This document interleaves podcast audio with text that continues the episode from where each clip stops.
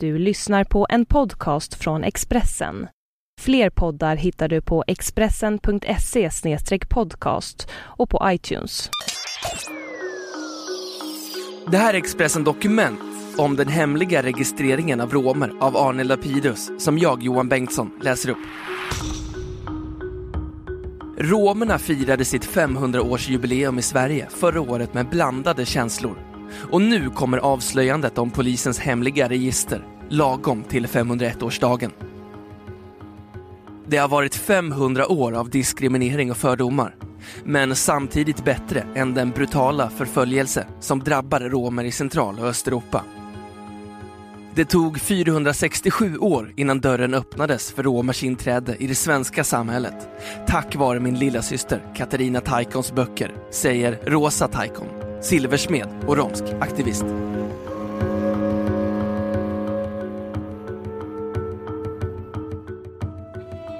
Det är den 29 september 1512, Sankt Mikaels dag.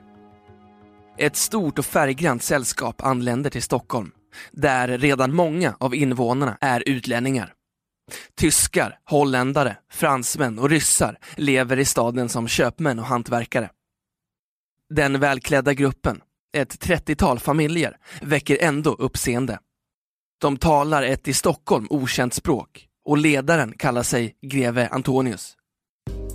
De anses vara de första romer som beträder svensk mark. Greven säger att de kommer från Lilla Egypten, vilket kan ha syftat på ett område i Grekland.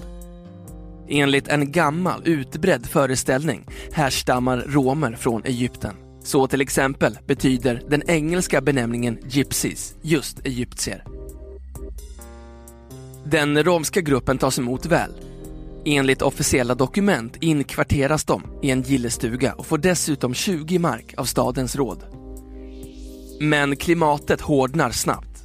Redan tre år senare förbjuds de att stanna i staden på grund av sin skalkhet, skurkaktighet. Därefter präglas romers historia i Sverige av praktiskt taget oavbruten förföljelse och diskriminering och upprepade utvisningar ur landet. Och nu, lagom till 501-årsdagen, drabbas de av polisens av allt att döma olagliga registrering.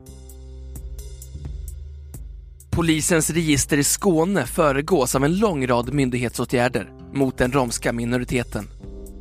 Gustav Vasa befaller 1550 att de omedelbart ska lämna landet. Om de påträffas ska de avrättas omedelbart. Också kyrkan är negativ. 1560 skriver ärkebiskop Laurentius Petri att prästerna inte får döpa eller begrava zigenare. 1617 kräver prästerskapet att alla zigenare ska utvisas ur landet. 20 år senare utfärdas den första allmänna zigenarförordningen i Sverige. Den stadgar att alla romska män ska hängas och att alla kvinnor och barn ska utvisas senast den 8 november 1637. Det är dock inte känt om några dödsstraff verkställdes. Ytterligare en rad antiromska lagar stiftas på 1600 och 1700-talen. Från 1914 till 1954 är all romsk invandring i Sverige förbjuden. Det innebär att Sverige inte tar emot några romer som försöker fly undan nazismens förföljelser. Under förintelsen mördas upp till en miljon romer. Samtidigt förvärras läget för romerna i Sverige. 1923 års fattigvårdslag slår fast att zigenare och tattare inte får stanna mer än tre veckor i samma kommun. En praxis som följs in på 1970-talet i en del kommuner. Vi fick bo tre veckor på varje plats, sen flyttade man på oss. Vi fick inte gå i skolan. Jag började i skolan när jag var 33 år, säger Rosa Taikon, 87 år, silversmed och samhällsdebattör, som i många år kämpat för romers rättigheter. Hon berättar att hennes syster Katarina Taikons böcker innebar ett genombrott för romers ställning i Sverige.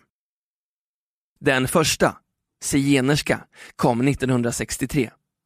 Senare bidrog Katarina Taikons självbiografiska serie Barn och ungdomsböcker om Katitzi till att sprida kunskap om hur det var att växa upp som rom i Sverige. Vi uppvaktade Erlander och Palme. Vi kämpade som galningar i fyra år, från 1963 till 1967, säger Åsa Taikon.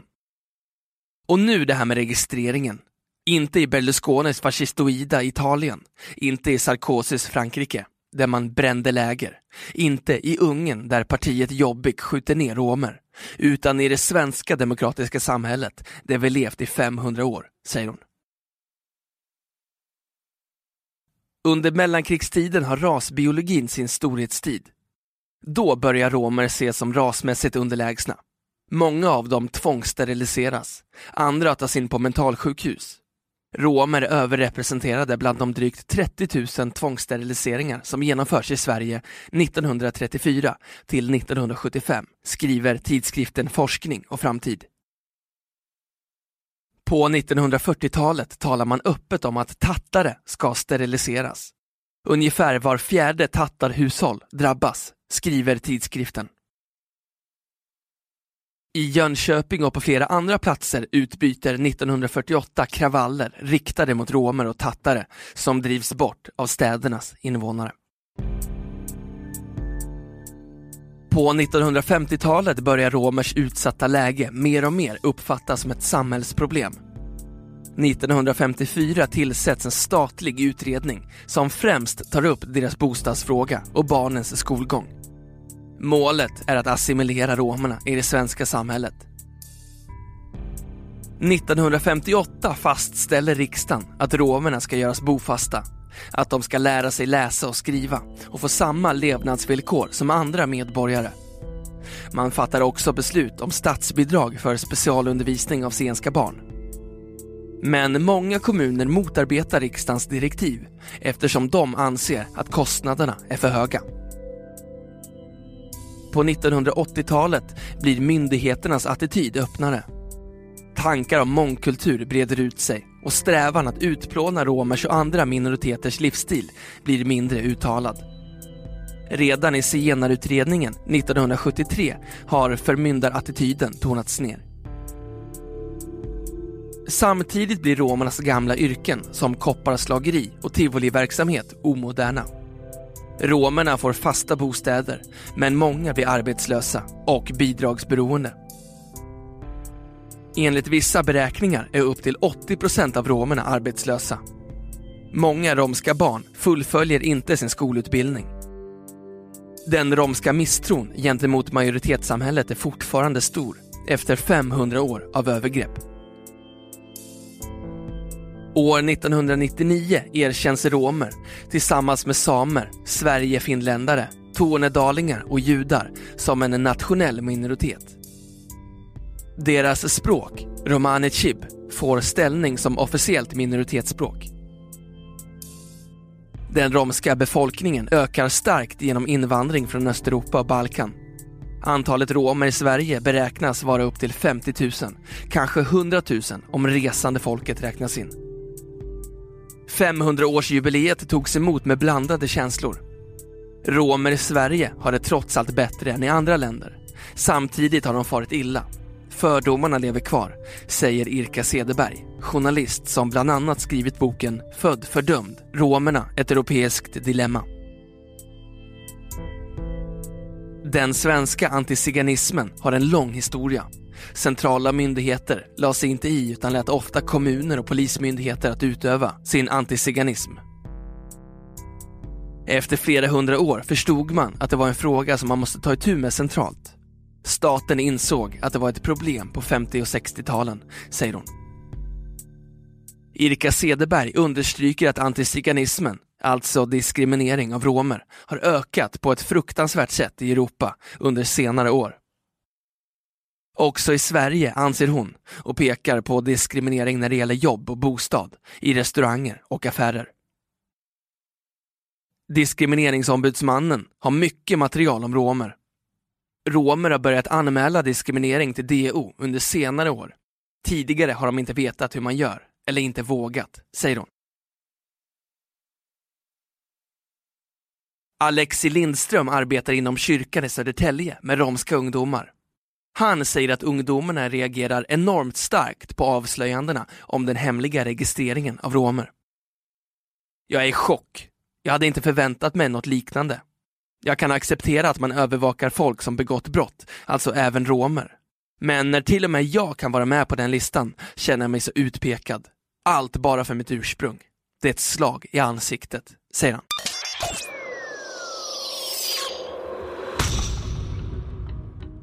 Du har lyssnat på en podcast från Expressen. Ansvarig utgivare är Thomas Mattsson. Fler poddar finns på Expressen.se och på iTunes.